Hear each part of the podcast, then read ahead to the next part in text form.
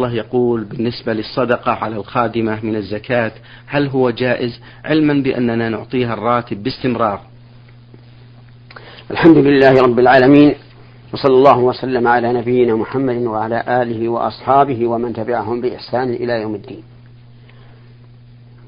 لا حرج أن يعطي الإنسان زكاته الخادم عنده سواء كان رجلا أم امرأة. إذا كان عنده عائلة في بلده محتاجة ولا يكفيها الراتب الذي يستلمه. أما إذا كان الراتب يكفيها أي يكفي العائلة فإنه لا يجوز أن يعطى من الزكاة. لقول الله تبارك وتعالى إنما, إنما الصدقات للفقراء والمساكين والعاملين عليها إلى آخر الآية. ولقول النبي صلى الله عليه وعلى آله وسلم لمعاذ بن جبل حين بعثه إلى اليمن أعلمهم أن الله افترض عليهم صدقة في أموالهم تؤخذ من أغنيائهم وترد على فقرائهم. نعم. أحسن الله إليكم. الفقرة الثانية في رسالة السائل أبو عبد الله يقول نرجو من فضيلة الشيخ توجيه كلمة للذين يعاملون الخدم بقسوة ويكلفونهم ما لا يطيقون. الكلمة التي يوجهها لمن يعاملون الخدم أو غيرهم من مكفوليهم بقسوة هو بل هي أن أذكرهم بأن الله تبارك وتعالى فوق الجميع. وأذكرهم بقول الله تبارك وتعالى في قصة النساء الناشزات على أزواجهن. فإن أطعنكم فلا تبغوا عليهن سبيلا إن الله كان عليا كبيرا. وأذكرهم بأنه لا يدرى فلا فلعل الأيام تنقلب. ويكون هؤلاء السادة خدما لغيرهم. أو, أو يكون أحد من ذريتهم خدما لغيرهم. فيعاقبون ويعاملون بما يعامل به هؤلاء لهؤلاء الخدم. فليتقوا الله وليخافوه وليرحموا إخوانهم. فليتقوا الله تعالى وليخافوه وليرحموا إخوانهم فإن الراحمين يرحمهم الله. نعم. أحسن الله إليكم.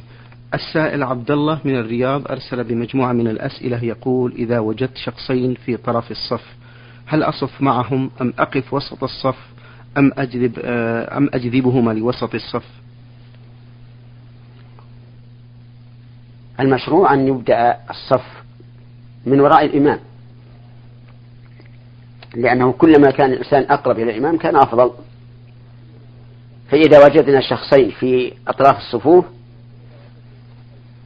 جذبناهما إلى وسط الصف.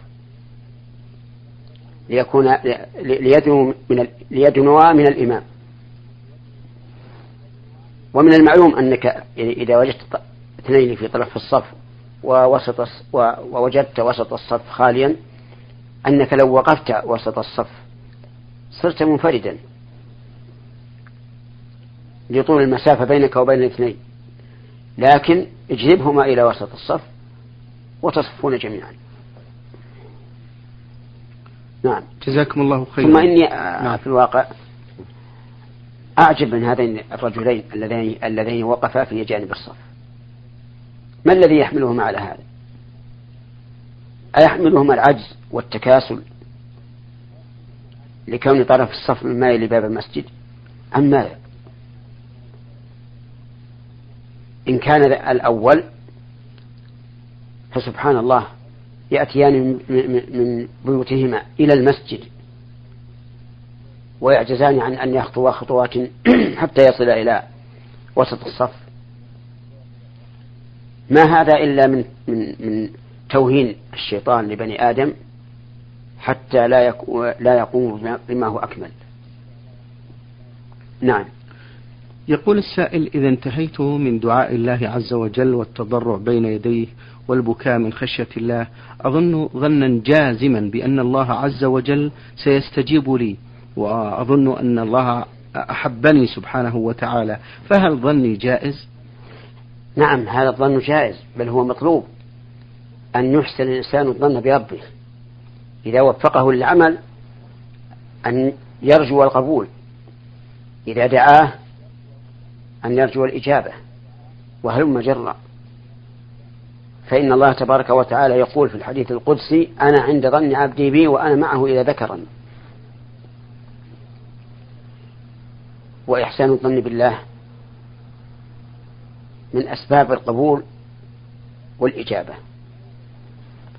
ولكن لا يعجب الإنسان بعمله هذا ويقول أنا من أنا أنا الذي فعلت أنا الذي فعلت. يقول يعني في نفسه لا. لا يقول هكذا. لأنه مهما فعل فإنما يفعل لنفسه. والله تبارك وتعالى غني عنه. كما قال الله تعالى يمنون عليك أن أسلموا قل لا تمنوا علي إسلامكم بل الله يمن عليكم أن هداكم للإيمان إن كنتم صادقين. فإن قال قائل وهل يفرح الإنسان إذا وفقه الله للدعاء أو للعبادة؟ فالجواب نعم يفرح ويسر ويؤمل خيرا.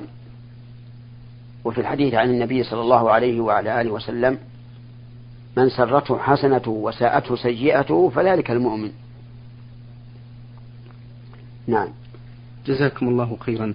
يقول السائل أحيانا يسأل أحدنا سؤالا عن تفسير آية أو كلمة في القرآن فالبعض منا يفسر الآية على ما يغلب عليه ظنه فهل في ذلك بأس؟ إذا كان الذي فسر الآية على حسب ظنه من أهل اللغة العربية العارفين بها. فلا بأس. وأما إذا كان يتخرص خرصا فلا يجوز. لأن المفسر للقرآن شاهد على الله تعالى بأنه أراد كذا وكذا. وهذا أمر فيه الخطورة العظيمة. فإن الله تعالى سيسأله يوم القيامة. كيف شهدت علي بأنك بأني أردت كذا وكذا بدون علم. ولهذا جاء التحذير من تفسير القرآن بالرأي. وأن من فسر القرآن برأيه فقد أخطأ وإن أصاب.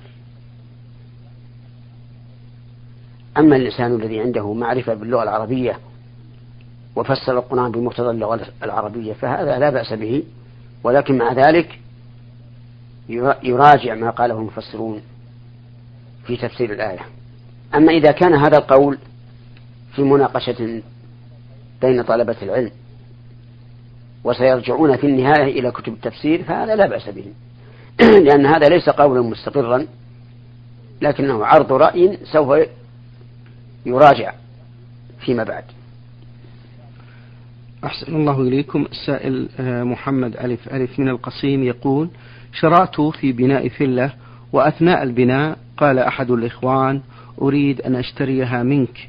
فوعدته بأنني سأبيعه هذه الفلة وطلبت منه الإشراف عليها مقابل أجرة له وبدأ يعمل.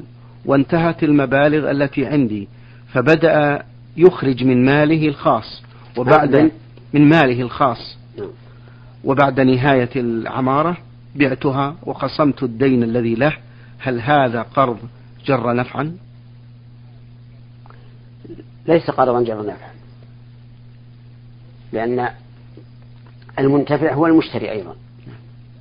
ولكن ليحذر الإنسان أن يبيع الفلة أو الدار أو الشقة قبل تمام بنائها. لأن مثل هذه الأمور لا يمكن إدراكها بالوصف. فإذا بيعت بالوصف فقد لا يأتي الوصف على ما أراده المشتري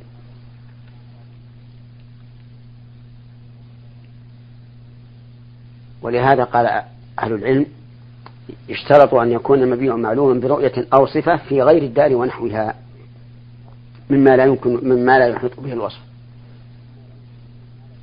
نعم. أحسن الله إليكم. السائلة جيم الفريح تقول ما حكم رد السلام بصيغة وعليهم السلام لا يصح الرد بهذه الصيغة. لأنه لم يرد على على المسلم. فإن ألها ضمير للغائب لا للمخاطب. والمسلم يخاطب المسلم عليه يقول السلام عليكم. فيجب أن يكون الرد بصيغة المخاطب. عليكم السلام. فإن قال عليهم لم يجزئه. ثم إنه إذا قال عليهم السلام فقد يقع في قلب المسلم شيء. حيث قال عليهم السلام. ولم يقل عليكم.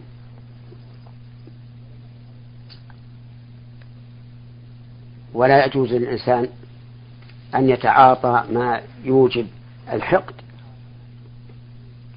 والبغضاء. نعم. أحسن الله إليكم. تقول السائلة فضيلة الشيخ ما حكم ضرب الطفل من قبل أمه وهي تصلي وذلك بسبب إيذائه لها؟ أولا الأطفال لا ينبغي أن يضربوا إلا عند الحاجة أو الضرورة. ويكون ضربهم ضربا غير مبرح. ثانيا إذا كان لا يمكن أن يسكت إلا بالضرب فلا حرج عليها أن تضرب أن تضربه ضربا خفيفا لئلا يشوش عليها صلاتها لكني أخشى إذا ضربته أن يزداد صياحه. فتعود المسألة على عكس ما تريد. فلتعمل الأسباب التي يكون بها إسكاته بدون إخلال بالصلاة؟ نعم. أحسن الله إليكم. مجموعة من المعلمات نعم. آه قمنا بعمل حفلة تكريم للمديرة تقديرا لجهودها في المدرسة وقدمنا الهدايا لها في آخر العام. هل في ذلك بأس؟ أما الدعوة فلا بأس. الدعوة العادية. وأما تقديم الهدايا فلا يجوز.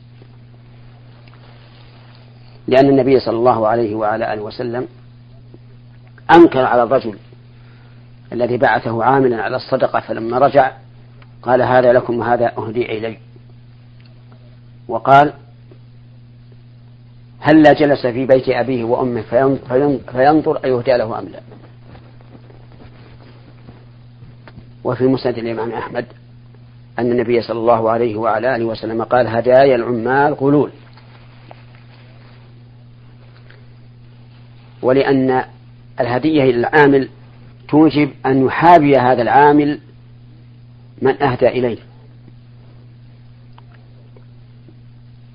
فيتغاضى عن تقصيره أو يمنح أو يمنحه ما, لا يستحق. والحاصل أنه لا يجوز للمديرة أن تقبل هدايا المعلمات. أما الدعوة فلا بأس بها. أحسن الله إليكم ما حكم أخذ راتب الولد والاستفادة منه لوالديه؟ أما الأب فله أن يأخذ من مال ولده ما شاء بشرط أن لا يتضرر الولد بهذا. فللوالد أن يأخذ من راتب ولده ما لا يتضرر به الابن. وأما الوالدة فليس لها أن تأخذ من مال ولدها إلا ما أعطاها. والذي ينبغي للوالدين أن يدعوا الأولاد ورواتبهم إلا عند الحاجة. أو إذا رأوا آه، من تصرفات الابن ما ينبغي أن يؤخذ منه المال. وفي هذه الحال يكتب المال المأخوذ على أنه لصاحبه لا للأب أو الأم. يكون محفوظا له إذا رشد وعرف قدر المال. نعم. من أسئلة السائلة جيم الفريح تقول هل الطفل الذي دون سن التمييز يقطع الصلاة؟ لا يقطع الصلاة. سواء كان ذكرا أم أنثى. لأن الذي يقطع الصلاة المرأة البالغة والكلب الأسود والحمار.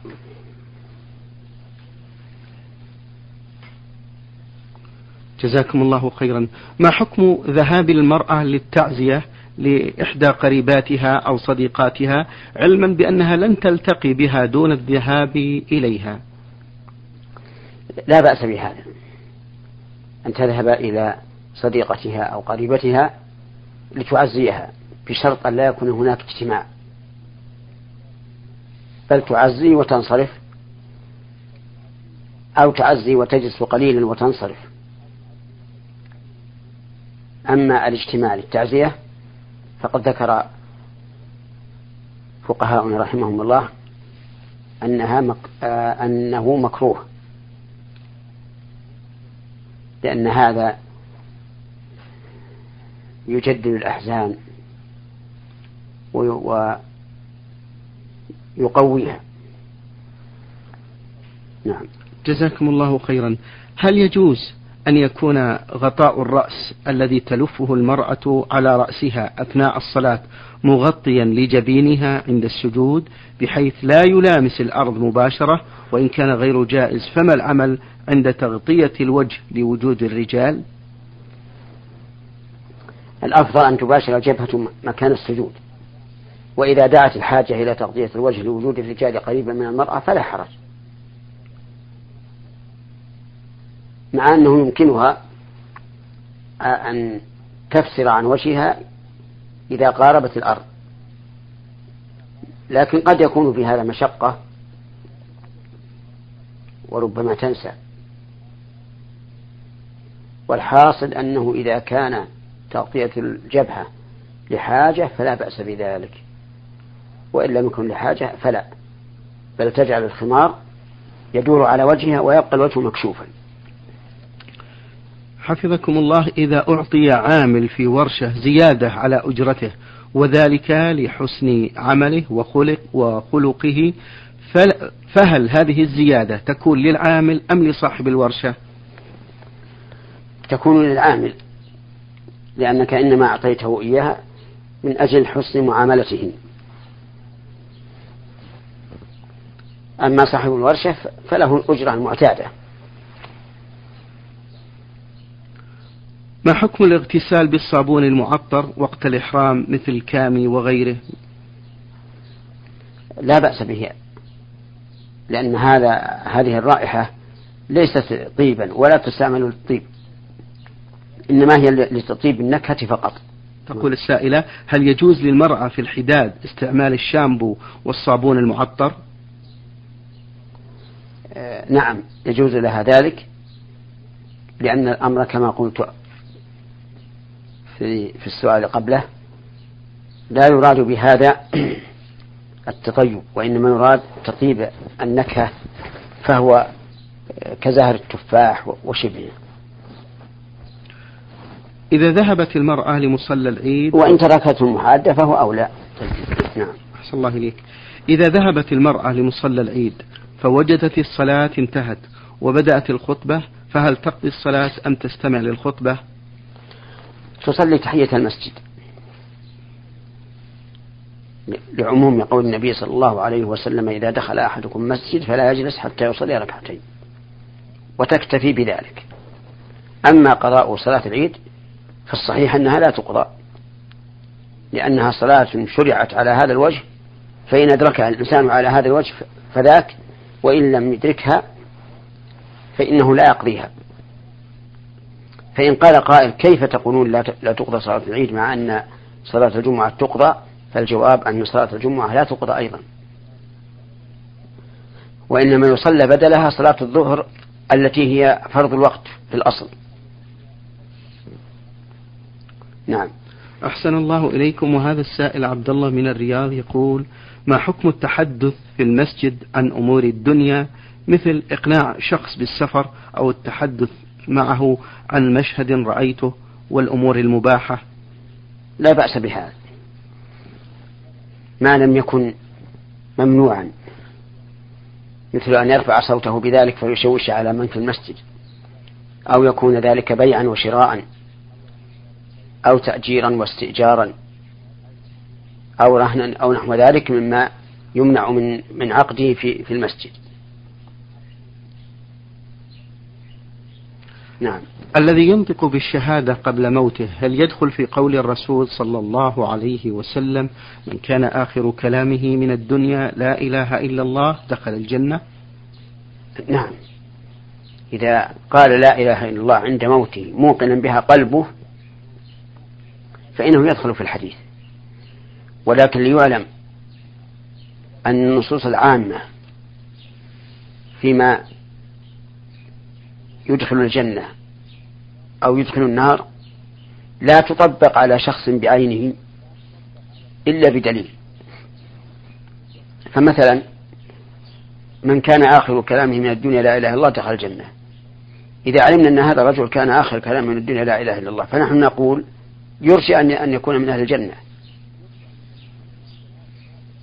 فالمعين لا تجزم له وإنما قل يرجى إذا كان في خير أو يخشى إذا كان في شر.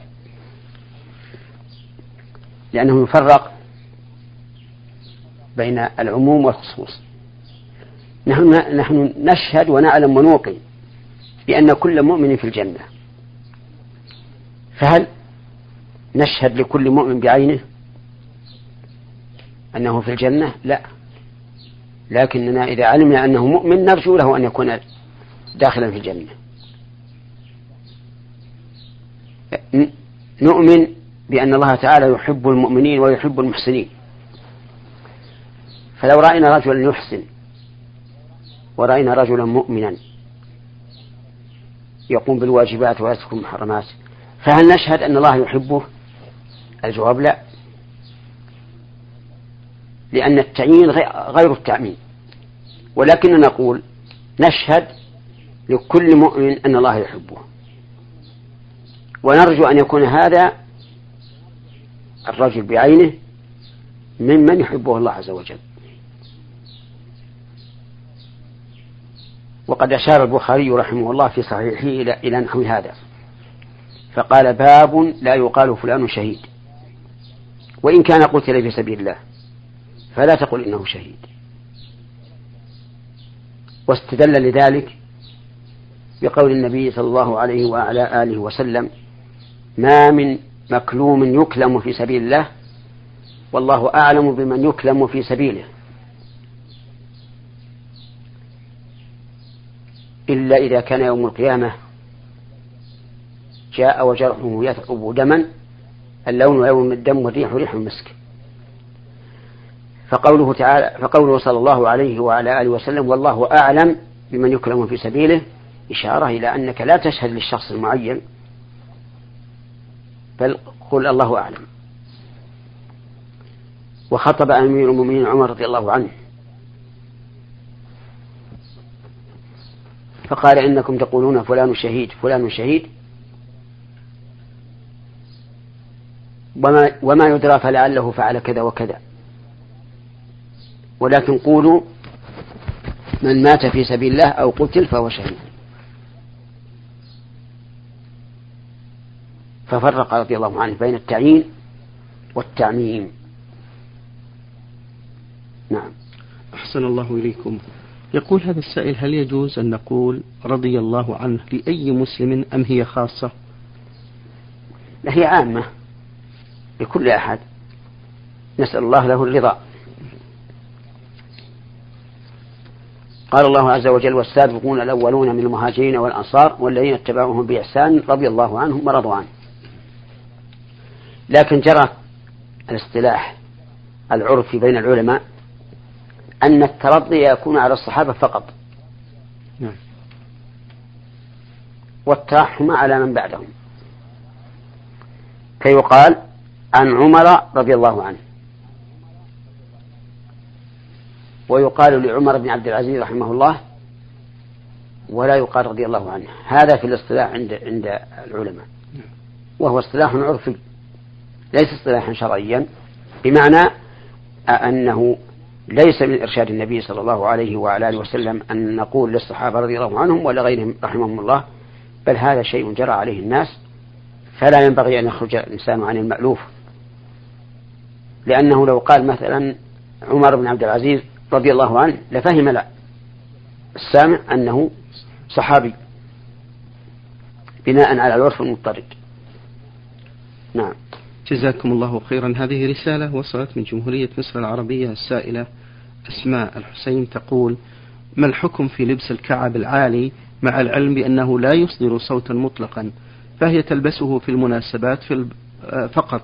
وما الحكم إذا أصدر الحذاء صوتا خفيفا غير ملفت للنظر؟